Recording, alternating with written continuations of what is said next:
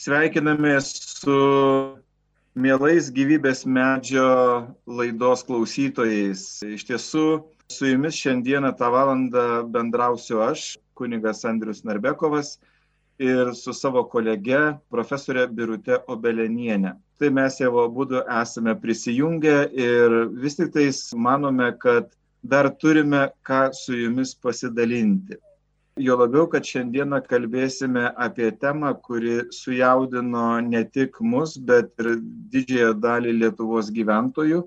Todėl, kad mes didįjį pirmadienį išgirdome tokią žinę, jog sveikatos ministras Dulkys pasirašė dokumentą įtraukiantį į kompensuojamųjų vaistų sąrašą būtent kontraceptinę priemonę paaugliams, būtent kontraceptinę spiralę ir kad tai jinai galėtų būti taikoma vaikams nuo 15 metų ir galėtų būti finansuojama iš privalomo sveikatos draudimo fondo.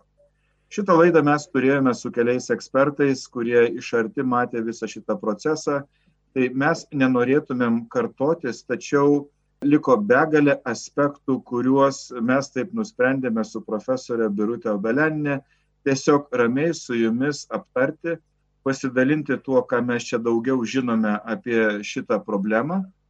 Manau, kad e, tai galėtų būti naudinga tiesiog išgirsti jums, turėti savo nuomonę, kas čia įvyko. Vis tik tai tuomet aš tos laidos metu sakiau, kad tai buvo apgailėtinas sprendimas. Tikiuosi, kad šiandieną mes tą išvadą tikrai ko gero dar labiau sustiprinsime. Mėla profesorė Birutė, žinau, kad jūs e, nemiegate ir dėl visų šitų klausimų tikrai šiuo metu esate labai užsiemusi. Nieko nuostabaus, jūs esate moteris, jūs esate dviejų dukrų mama ir ko gero, kaip niekas kitas, geriau suprantate, kas čia įvyko ir kas čia bus daroma. Tai pirmiausiai, profesorė, norėčiau paklausti jūsų kasgi yra iniciatoriai, nes visada tai, jeigu mes kalbam apie kompensuojamus vaistus, tai galbūt čia yra kažkoks tai gėris, kuris buvo pražiūrėtas anksčiau ir štai dabar Lietuvoje pagerės gyvenimas bent tam tikram segmentui žmonių. Kokia čia buvo iniciatorių grupė ir ar galime mes sakyti, kad štai čia dėl to mes turėtumėm džiaugtis ar vis dėlto sunerim? Labas vakaras, mėly gyvybės medžio laidos klausytojai. Ir iš tikrųjų tokia priešistorė yra anksčiau prasidėjusi, kas yra tas iniciatorės. Tai 2019 metais, birželio mėnesį, Lietuvos akušerių gynekologų draugija pateikė paraišką valstybinio vaistinio preparato levonergestrel flery, taip vadinamą spiralę, kompensavimui. 20 metais, šitą jau kovo mėnesio 23 dieną, buvo šitas preparatas įtrauktas į rezervinį sąrašą. Kitaip sakant, traukiant į rezervinį sąrašą, laukia patogaus momento. Ir aš jums noriu priminti tą labai patogų momentą, kada prasidėjo COVID ir prasidėjo pas mus tai lygiai prieš metus ir prasidėjo karantinas. Ir e, vieno verygos sveikatos ministro tuometinio interviu metu jisai buvo paklaustas, tai gerai ligoninės uždarytos o ką daryt moterims jeigu joms reikia nutraukti nėštumą nes nėštumas nutraukimas tai yra iki dvylikos savaičių ir čia jos laukti negali. Ir veryga pats sakė kad ar ne tai nebūtų laikas pagalvoti ar tai tikrai gera procedūra. Kilo didžiulis triukšmas. Kaip šitaip galėjo ministras pasakyti iš karto šitą informaciją kaip pasakyt tuoj pat tai buvo kelių dienų bėgyje kada ministras pasirašo, kad levonergestrelį kompensuoja. Tai yra, tiesiog buvo pasinaudota situacija, kad štai Veryga pasakė štai tokius liktai politiškai nekorektiškai žodžius, kad moteris tegul pagalvoja vietoj to, kad nutraukia neštumą. Ir štai pakišo tokią priemonę pasirašyti, kompensuoti spiralę, kuri dėvėdamos paauglės netaps neščiomis. Ir nereikės, pagal tai yra tai nepaprastai susiję. Lietuvos akušerių gynekologų draugija pateikia visuose savo raštuose ir tą, jie, kodėl jie nori šitą priemonę kompensuoti, tai praktiškai tai yra tik tai vienas kriterijus. Tai yra, kad bus išvengta neštumo. Man teko girdėti, kad tarp akušerių gynekologų draugijos ir pavienių gynekologų, mokslininkų pasisakymų buvo tam tikrų nesutarimų, buvo kitaip tariant skirtingų išsakytų nuomonių, nes kai girdime labai skirtingas nuomonės, ypatingai apie veikimo mechanizmą, apie tam tikrus svarbius dalykus, tada taip pat verčia suklusti. Taip iš tikrųjų, kada, kai ministras pasirašė šitą kompensavimą, žmonės toj pat išgirdo ir kreipėsi, pirmiausia, tai Seimo narė Leknaitė, po jos tėvų organizacijos su raštu ministrui, pateikdamos įvairiausius mokslinius tyrimus, kurie atskleidė visiškai kitą šitos spiralės pusę. Tada šitos visus raštus buvo atsakinėjama ir Lietuvos akušerių gynekologų atsakymas labai skiriasi, pavyzdžiui, nuo profesorės gynekologės Rūtos Nadišauskinės atsakymų šita spiralė, kuri, koks jos veikimo mechanizmas, tai kas yra nutylima, taip galima sakyti. Aš sakyčiau taip, kad žmonės yra apgaudinėjami todėl, kad jiems nepateikiama pilna informacija. Tai gal to nesusikalbėjimo aspektus prašom pasakyti, o paskui eisim prie mechanizmo, nes jį reikia plačiau aptarti. Taip, tai jeigu mes paimtumėm šito preparato, šitos spiralės tiek terapinės vertės nustatymo protokolą, toks yra tas specialus reikalingas protokolas tam, kad į kompensuojamų sąrašą įrašyti. Jeigu paimtumėm preparato charakteristiką ar ne, tai kas yra parašyta prie kiekvieno vaisto. Tai perskaitytumėm tokius žodžius, kad didelė levonergestrelio koncentracija, tai yra levonergestrelis yra hormonas, sintetinis hormonas, jis yra susintetintas testosterono pagrindu, visiškai ne, ne moteriško hormono pagrindu ir todėl jisai slopina progesterono veikimą kuris yra nepaprastai reikalingas tam, kad e, gamintųsi, kad moters gimdos gleivinė pasirengtų implantavimui ir kad būtų galima išmaitinti embrioną. Čia yra labai svarbus, progesteronas yra labai svarbus hormonas ir tas hormonas yra slopinamas būtent šitos spiralės įdėtas kaip komponentas hormoninis ir jisai tai slopina. Ir dabar kaip yra parašyta. Didelė levonergestrelio koncentracija endometriume slopina endometriumo estrogenų ir progesterono receptorius. Endometriumas tampa santykinai nejautrus, cirkuliuojančiam estradioliui pasireiškia stiprus antiproliferacinis poveikis. Vartojant flerį vyksta morfologiniai endometriumo pokyčiai ir vyksta silpna vietinė reakcija į svetingumį. Kas vyksta morfologiniai endometrimo pokyčiai. Tai yra toksai. Paprastai žmogiškai išnekant, padaryti gimdą nedraugišką ateinančiam embrionui, kad jis negalėtų. Taip, kitaip sakant, visiškai pašalinti mytybinę terpę, nu, įsivaizduokit padaryti iš vešlaus miško, kuriame yra gyvybė, padaryti dykumą. Tai jeigu taip vaizdžiai išnekant. Ką profesorė Šitos... Nadišauskenė tada sako? Tai va, tai e, sakydami į raštą, atsakydami į raštą, tėvai pasakė, kad nu, buvo įrašyta toksai tėvų ir, ir visuomenės, medikų taip pat, tarp kitko visuomenės, buvo parašyta toks sakinys, kad preparato charakteristikoje santraukoje rašoma, jog kontraceptinis poveikis yra vietinis ir nesukelia ovulacijos pokyčių. Tai reiškia, ovulacija vyksta ir pastojimas yra įmanomas.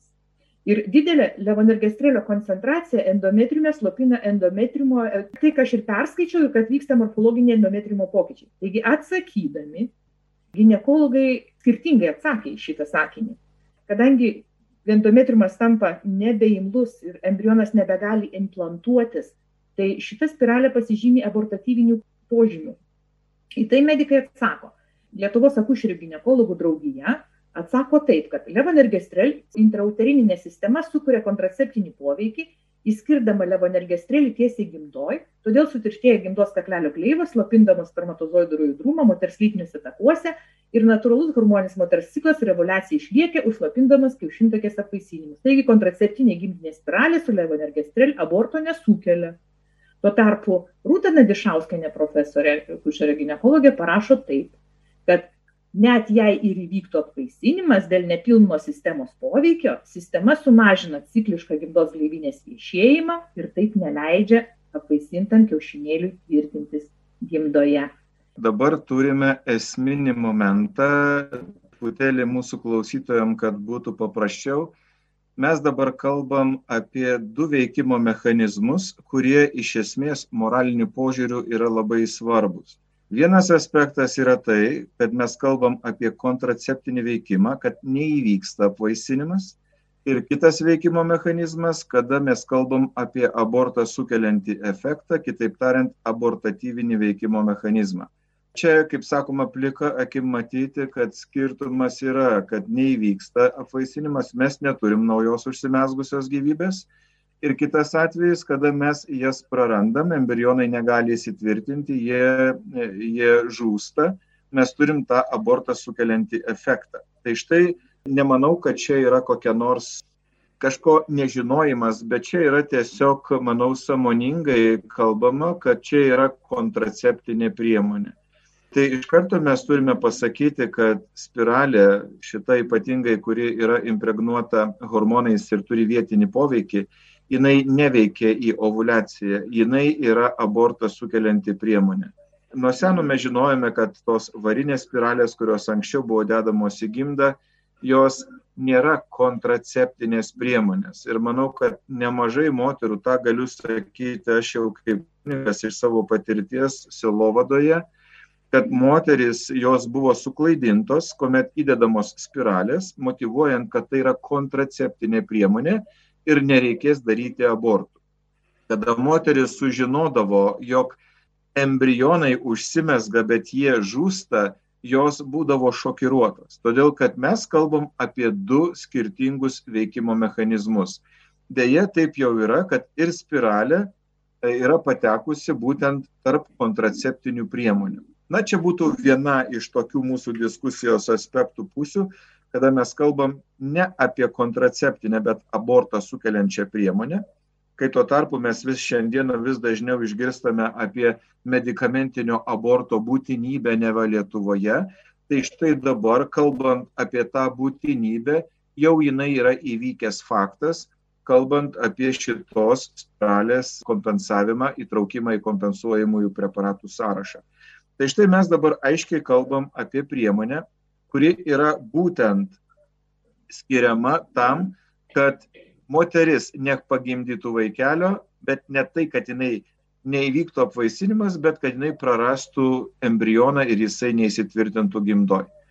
Bet dabar mes, profesorė, kalbam apie tai, kad čia vis tik tais pirmiausia visa ta istorija užkliuvo dėl to, kad čia yra kalbama apie vaikus.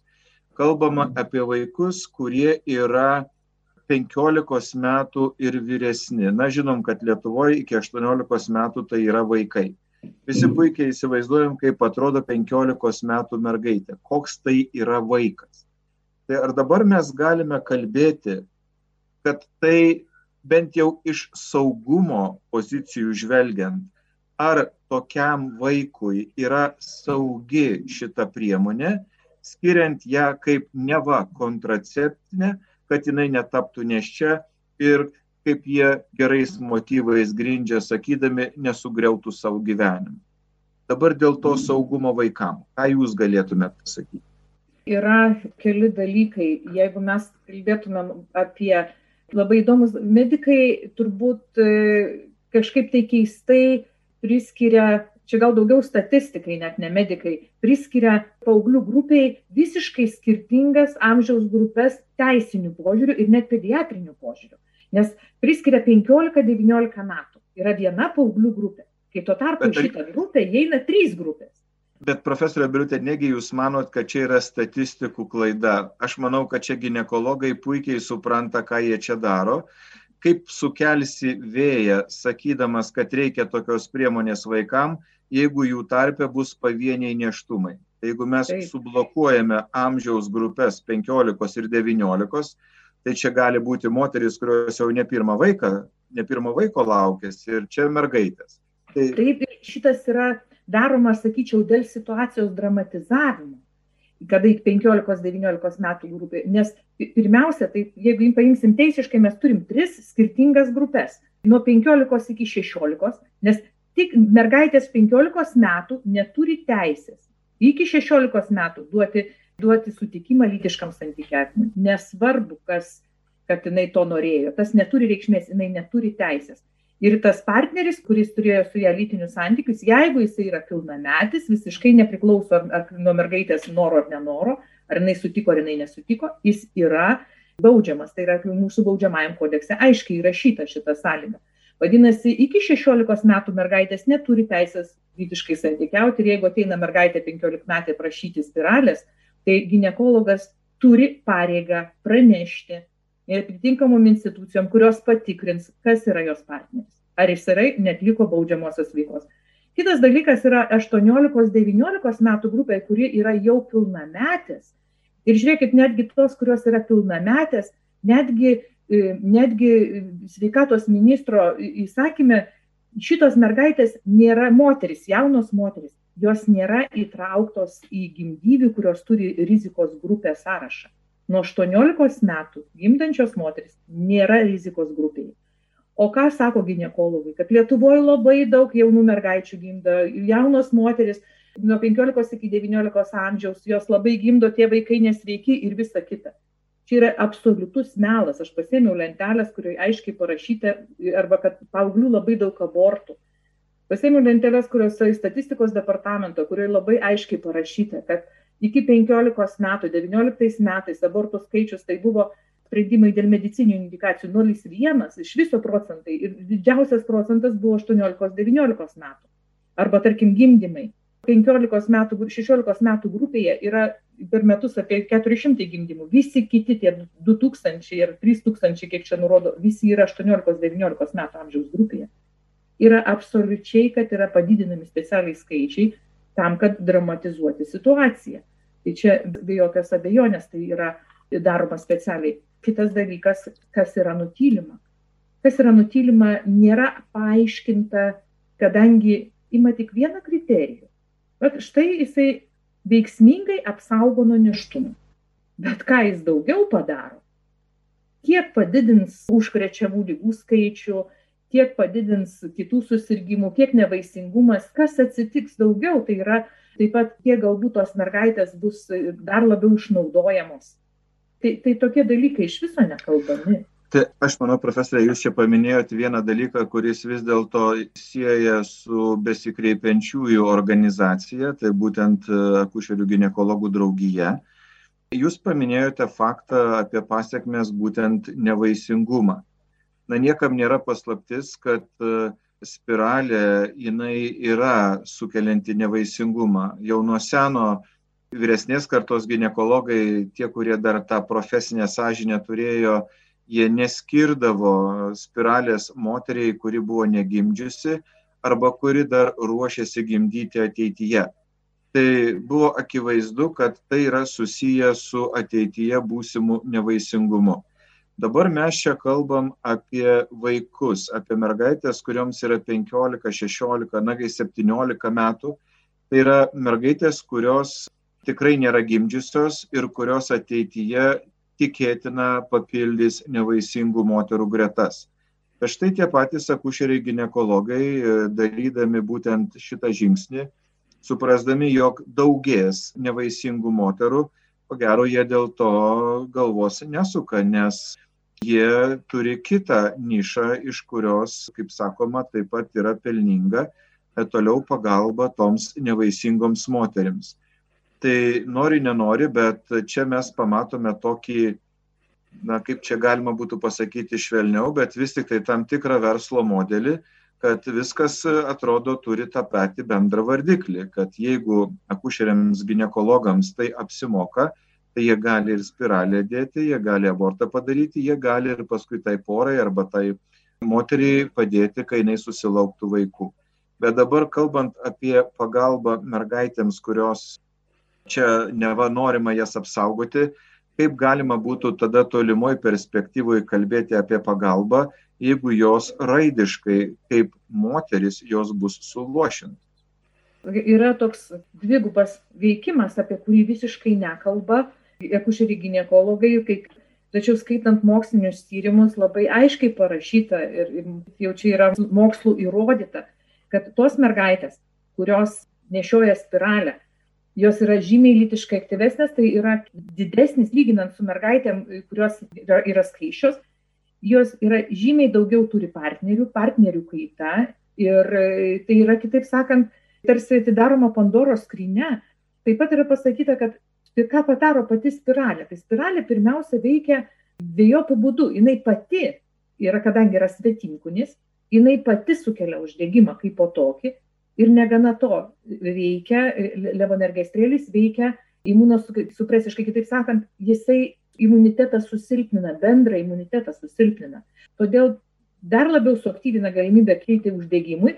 Ir kitas dalykas, lytiškai plintančios lygos, tokios pavyzdžiui kaip e, žmogaus papilioma virusas. Tai žmogaus papilioma virusas yra toksai kilmės kaip, kaip, kaip karpų virusas. Tam tikrą prasme tai yra, reiškia, apsisaugojimas, jisai plinta oda-oda kontaktų. Tai reikia, norint apsisaugoti, reikia visam įlysti į, į prezervatyvą, jeigu taip švelniai sakant. Tai čia, čia šiuo atveju, kada mergaitai keičiasi partneriai, jeigu tai yra vienas ir tas pats partneris, organizmas susitvarko. Taip kaip ir karpos. Bet jeigu keičiasi daug tų partnerių, organizmas nebesusitvarko. Ir štai Belgijos, Belgijos paskutiniai tyrimai, ką rodo, paskutiniai agentūros tyrimai, kaip tik, kurie yra susiję, tai yra lytiškai plintančių lygų, jie parodo tai, kad kaip tik yra ilgalaikė kontracepcija, tokia kaip spiralė, jinai yra viena iš penkių pagrindinių faktorių, dėl kurių kyla gimdos kaklelio vėžys jaunoms moteriams. Tai nes žmogaus papilioma virusas sukelia gimdos kaklelio vėžį, tai vat, būtent kaip tik ilgalaikė kontracepcija ir aktyvuoja. Tai yra ne tik tai, kad tu gali turėti tą virusą, bet jisai nebūtinai virsta į gimdos kaklelio vėžį. Mes taip pat turėtumėm, turbūt profesorė, turėtumėm dar atkreipti dėmesį, kuris yra įrodytas ir žinomas, kad vis tik tai mes čia kalbam apie vaiko organizmą. Mes kalbam apie nesubrendusius vaikus, kitaip tariant, moteris, kurios yra suaugusios, visai kitokia yra epitelio struktūra, kitaip tariant, jos yra mechaniškiams dirgikliams yra atsparios, tuo tarpu vaikų gleivinė yra labai trapi, todėl ką jūs kalbate apie tą didesnį pavojų dėl lytiškai plintančių lygų ir jūsų paminėtą papilomos virusą, tai čia rizika yra akivaizdžiai didesnė, todėl kad jų audiniai yra daug pažeidžiamesni negu suaugusių moterų. Net, netgi apskaičiuota ir procentas apskaičiuotas, kiek kuo anksčiau pradeda lytinius santykius, tuo yra didesnė tikimybė užsikrėsti. Ir būtent va, dėl to anatominio audinių nesubrandimo. Taip. Ir kaip Jūs paminėjote tą ilgalaikį laikotarpį, tai jis yra skirtas trims metams. Tai galima įsivaizduoti, kad 15 metė, kuriai būtų įdėta tokia spiralė iki 18 metų, ta spiralė būtų būtent jos gimdoje ir po trijų metų jinai tik tai būtų pašalinta. Na čia aišku, gynekologų turbūt interesų taip pat galima surasti, todėl kad tai bus ir įdėjimas spiralės, kuris kainuoja, jos išėmimas, e, dar labiau bus susijęs su tuo, kokios yra komplikacijos būtent esamos spiralės ir ką mes galime jau šiandieną žinoti, būtent tos flery, apie kurią mes dabar ir kalbame, atlikto klinikinio tyrimo duomenys, jie labai aiškiai rodo, kad tos mergaitės, kurios net neišbuvo viso trijų metų laikotarpio atliekant tą klinikinį tyrimą, pribloškiantis duomenis jau yra akivaizdus ir profesorė jūs juos turite. Taip, tai kaip tik būtent šitas preparatas Klery buvo įrašytas į kompensuojamų vaistų sąrašą remiantis dviejais skirtingais tyrimais. Tai vienas tyrimas buvo virš 18 metų moterim iki 35, grupėje, jisai buvo pakankamai didelis, didelis skaičius tų moterų, jau čia ir, ir buvo apie, apie 3000, 3661. Tačiau antras tyrimas, kuris buvo atliktas su mergaitėm nuo 12 iki 16 metų grupėje, iš tikrųjų buvo truko tik tai 12 tyrimo mėnesių. Nepageidaujami reiškiniai ir, ir su gydimu susiję nepageidaujami reiškiniai pasireiškia net 82 procentam mergaičių tai yra visiškai priemonė yra ir tai tik tai metams laiko buvo įdėta. Net 16 procentų atsisakė ir išsitraukė anksčiau, todėl kad tai buvo e, nepakenčiama joms. Tai 16 procentų tai tikrai gana nemažai, bet su, su gydymo reikalaujantis nepagėdaujami reiškiniai buvo 82 procentų. Bet jeigu mes čia gerai išgirdome, jūs paminėjote amžiaus grupę net nuo 12 metų, Tai, tai kur tos... šitas, šitas labiausiai stebina. Iš viso. Tai kur toks tyrimas buvo... galėjo vykti ir kas galėjo tokius vaikus? 12 metų tai iš viso mažamečiai. Aš atsidariau šitą tyrimą, tačiau nerašo, kur, kur vykdė tas tyrimas. Ir kitas dalykas, nerašo taip pat, kiek tų 12 mečių buvo.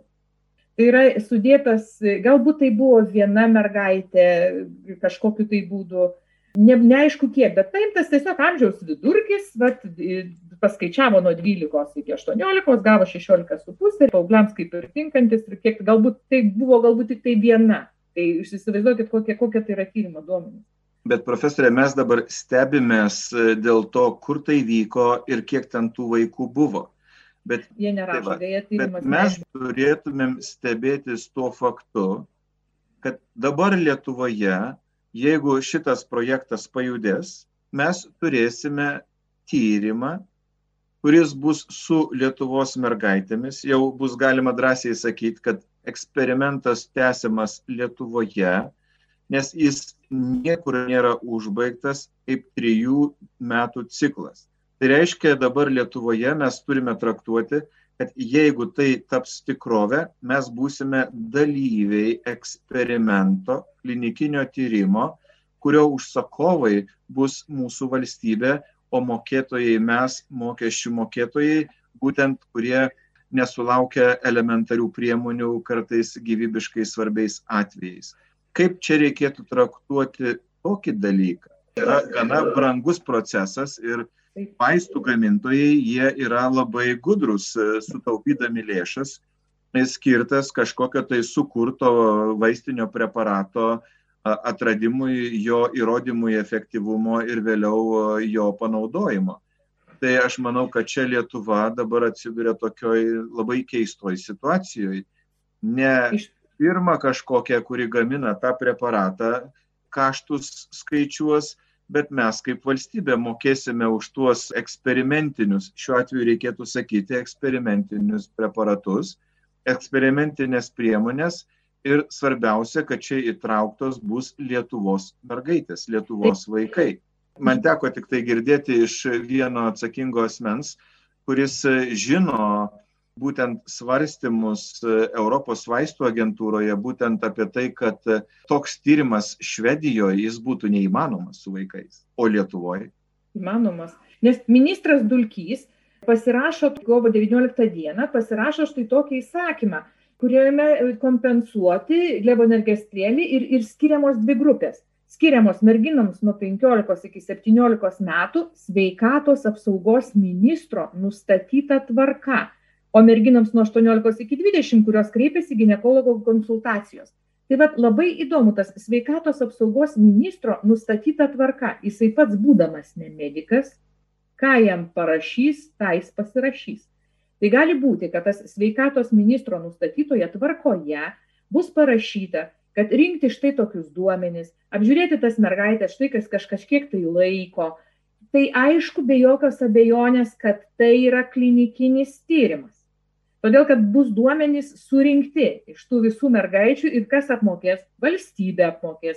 Todėl kad flery yra kompensavimo sąraše tik pats preparatas kurio kaina skirtingose vaistinėse kainuoja šiandien nuo 120 eurų iki 140. Net neapmokamas įdėjimas spiralės. Šitas nėra kompensuojamas įsakymė. Visas bus daroma už valstybės pinigas, už mūsų visų pinigus daromas klinikinis tyrimas, kurio nesėmė nei viena šalis Nei viena šalis, galbūt čia padaryta kur nors Afrikos užkampyje. Aš negaliu pasakyti, nes nėra įrašo. Nes nežinau kur. Tai profesorė, gal dabar būtų metas, mūsų laida jau tikrai yra įpusėjusi jau mažų mažiausiai. Tai dėl tų vis tik tais neskaidrių tokių elementų, kurie toj visoj prieimimo procedūroje dėl kompensavimo, na vis dėlto jie kelia daug klausimų. Pavyzdžiui, kaip Jūs manytumėte, tas, kad ir vyresniai grupiai nuo 18 metų ir vyresnių jaunų moterų grupėje būtų skiriamas šitas kompensuojamas preparatas tiesiog moteriai, kuri kreipiasi dėl kontracepcijos ir jai būtų natūralu, jinai ateina pas akušerį gynekologą ir staiga jai siūlomas e, preparatas, kuris vat būtent šitas ir kuris yra įtrauktas į kompensuojamų preparatų sąrašą arba vaistų sąrašą. Nu, tai natūralu, kad visi norės nemokamo. Taip, bet dabar kur čia yra skaidrumo arba greičiau sakant neskaidrumo elementas, kad į kompensuojamųjų vaistų, šiuo atveju kabutėse vaistų sąrašą, yra įtraukiamas būtent šitas preparatas. Kaip galima pagrysti, kad šitas yra geresnis už dar kažkokius, kurie rinkoje egzistuoja? Kaip čia būtų galima tokį variantą vertinti? Niekaip jisai nėra pagrystas. Jisai šito preparato farmakoekonominė vertė nėra niekaip pagrysta dokumentuose, kurie būtini pristatyti. Ir tai yra vienas iš, yra terapinės vertės, kita farmakoekonominė vertė. Tai šitam sąraše viskas ten, kur turėjo būti pagal tam tikrus kriterijus, turėtų būti parašyta, niekas niekur nieko neįrašė. Jis yra tiesiog tuščias, pustuštis puslapis. Yra parašytas galutinis sakinys, kad kadangi panašios spiralės nėra kompensuojamų, nėra alternatyvų, nėra to, nėra ano, Net vienoje vietoje netgi pameluota, parašyta, kad nėra vertinimo užsienio šalių, kaip čia pat pateiktas užsienio šalių vertinimas prancūzų, atitinkamas Prancūzijos, kaip mūsų valstybinės vaistų kontrolės tarnybos, tai atitinkamos tarnybos Prancūzijoje vertinimas yra pateiktas, kuris rašo, kad levonergestrėlis nėra pirmo pasirinkimo, todėl kad jisai nerodo, jog Kuperio spiralė yra, būtų blogesnė, kad Kuperio tai yra spiralė su variu, yra, rodo geresnius požymius, rodo.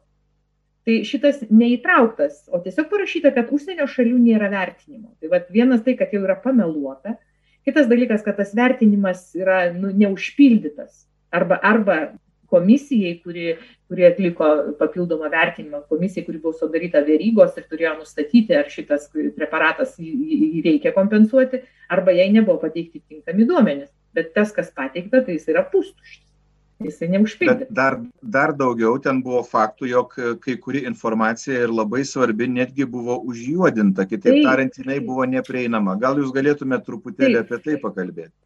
Terapinės, vaistinio preparato terapinės vertės nustatymo protokole, protokolas yra pati svarbiausia, galima sakyti, protokolas, kuris pagrindžia, kad turi būti įrašyta į, į kompensuojamų vaistų sąrašą, komisijos nariai gavo vieną vietą su, sužjuodinta. Ir kada komisija paprašė atsiųsti, pateikti protokolą, terapinės vertės vertimo protokolą, be šitos užjuodintos vietos, pasirodė, kad jinai yra esminė vieta. Ir tenais aiškiai yra parašyta, kad numatomi nepagidaujami reiškiniai, kurie pasireiškia bent vienam tyriamųjų ir todėl yra nepakankamai patikimoms išvadoms apie kontracepcijos veiksmingumą daryti. Tai yra pastaba yra tokia, esminė, jinai išskirta į remelius ir net papilkinta, kad atkreipkite dėmesį, kad nepakankamai patikimoms išvadoms apie kontracepcijos veiksmingumą daryti. Duomenų nepakanka. Bet čia pilkos spalvos nepakako, reikėjo uždėti jo, ir įdomiausias dalykas yra tai, kad šitie protokolai skiriasi, juos pasirašė skirtingi asmenys. Tai yra vienas protokolas, kuris ir dabar stovi, jeigu žmonės pasitikrintų valstybinės vaistų kontrolės tarnybos tinklapyje stovi su užjuodinimu, jį pasirašė vienas asmuo, o be užjuodinimo pasirašė kitas asmuo. Tai čia, nu, nežinau, čia kažkoks tai detektyvas, čia tikrai yra kažkas, tai, nu, kaip sakyti, tai, kas yra matoma, kad kažkokie nešvarų žaidimai yra daromi. Bet jūs įsivaizduokit, sakėte apie 18 metų moterį. Jūs įsivaizduokit, ateina mergina, kuri žaliausio supratimo neturi, kaip ta spiralė veikia. Neturi, todėl kad nėra. Nėra aprašyta. Čia reikia kelti literatūrą specialią. Vadovėlyje e, nėra parašyta, jeigu jinai nueis į puslapį paauglėms, kuris vadinasi tavo gyvenimas, nebus parašyta, bus pateikta tik tai labai smulki informacija vienu sakiniu, kad spiralė veikia kaip barjerinė priemonė, neleidžia susitikti šitam kiaušialąstai su spermatozoidu. Ir tiesiog tai yra kontraceptinė priemonė ir visas Ir jinai ateina, o gynekologas jis sako, vaikeli, aš turiu tokią priemonę gerą, tau nieko nekainuos. Aišku, jinai sutiks. Bet dabar, profesorė, labai rimtą problemą palėtėt ir aš manau, kad čia jau jinai yra, ko gero, viena iš rimčiausių, nes mes dabar kalbam apie tą informuotą sutikimą, kurį moteris turi pasirašyti.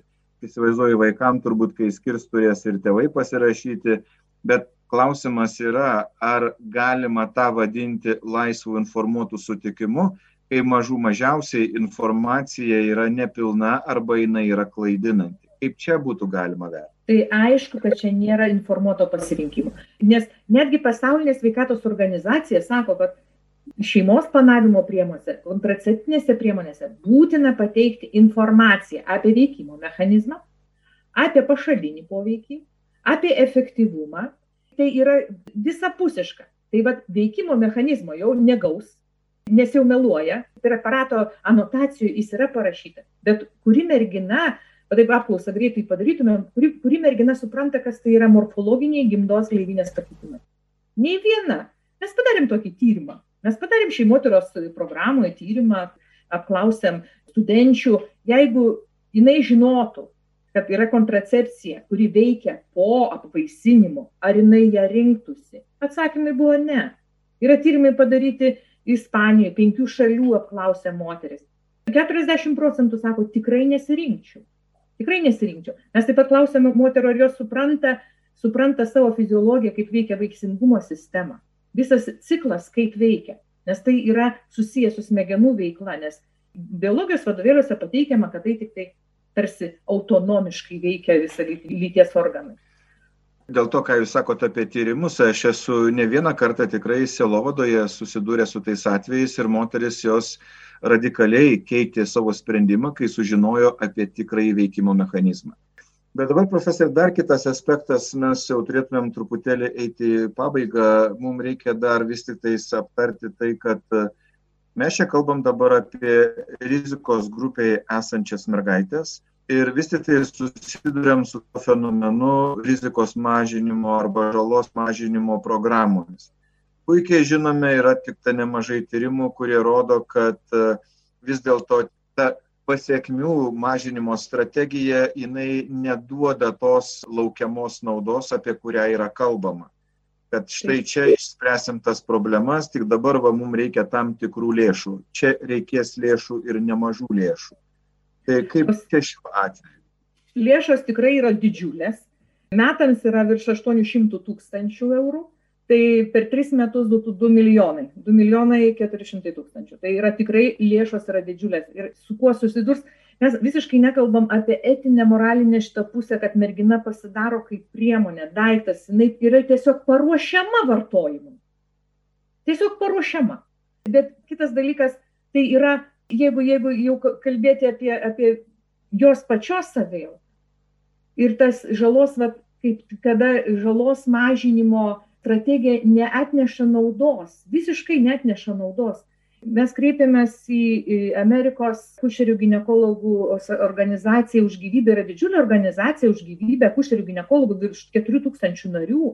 Ir pirmininkė, jos prezidentė Dona Harrison sako, nuo tada, nuo tos minutės, sako, kai bus kompensuojamos spiralės, jūs privalote sekti užkrečiamumą lytiškai plintančiam lygom. Jūs pamatysit, kaip jos šoktelsi. O kur dar bus lėšos susijusios su tom komplikacijom, kurios išaiškėjo per taip, pirmą ciklą? Taip, o čia tom, dar du metai. Komplikacijom, kurioms reikės gydyti. Taip. Pirmiausia, tai, kad tyrimų, klinikinių tyrimų trims metams nebuvo daryta. Ir jeigu bus daryta, tai Lietuvoje bus pirmoji šalis tokia, ar ne? Už valstybės pinigus. Tai aš net neįsivaizduoju, čia yra nu, nusikaltimas, tai kaip dar ypatingai koronaviruso plėsiautėjimo metu, čia yra puota maro metu ir, ir nu, sunku pasakyti net kaip. Mes turbūt profesorė žinom ir dar daugiau čia tik nebe, nebesikartojom, kas buvo pakalbėta toj aktualijų laidoj apie tą tarpuvaldyje labai manipuliuotą sprendimo priėmimą, kuris tikėtina yra tikrai manipuliatyvus ir ne, ne šiaip savo vyko būtent tarpuvaldžiu, bet vis dėlto, kai kalbam apie moralę ir etiką, atrodo, pinigai jie neturėtų būti pirmoje vietoje, bet na čia mes labai skaudžiai tą matome, kad pinigų trūksta vaikams, trūksta suaugusiems, kurie serga tikrai gyvybei pavojingomis lygomis ir nėra kompensuojama.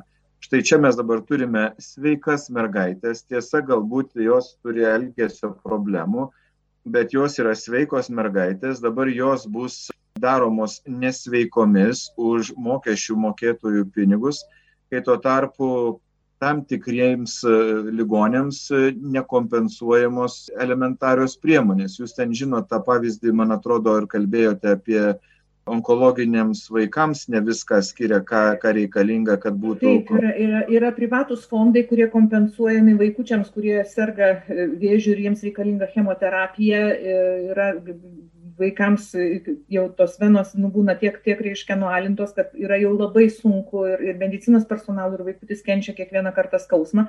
Todėl yra ilgalaikiai kateteriai, kurie trims pusmečių ir trims mėnesiams yra įdedami ir, ir vaistai suleidžiami per juos, kad vaikutis nekentėtų. Tai įdomiausia, sutapimas, šitie kateteriai, jie nėra kompensuojami, kompensuojamas yra privatus fondai, įsikūrė, pavyzdžiui, Rūgutės fondas, kurį įkūrė tėvai, kurių vaikutis mirė nuo vėžio, kūrė Rūgutės fondą ir ta kompensuoja tėvams šitos, šitos perka šitos kateterius.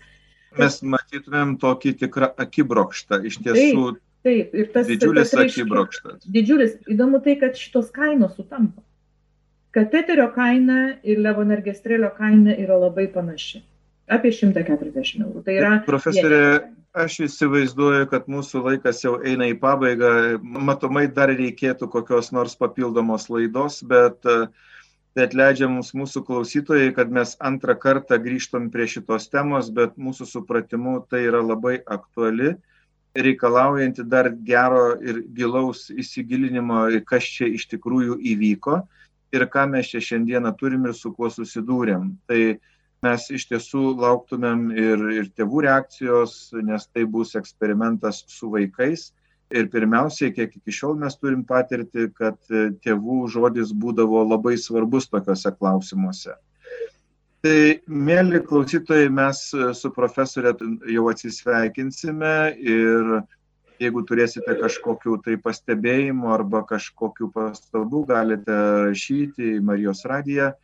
O tuo laikotarpiu vis tik tai mes dar jums linkime to Velykinio laiko, kuris dar nėra pasibaigęs, kad mes, kaip sakoma, tokioj akivaizdoj neprarastumėm vilties, kad čia viskas yra labai blogai. Visada sakau ir sakysiu, blogio yra mažiau negu gėrio. Tai tikėkime, kad ir šitoj situacijoje kažkaip išsispręs ir viskas vėl atsistos į savo vėžės. Tai dėkojame Jums ir su Dievu. Su Dievu.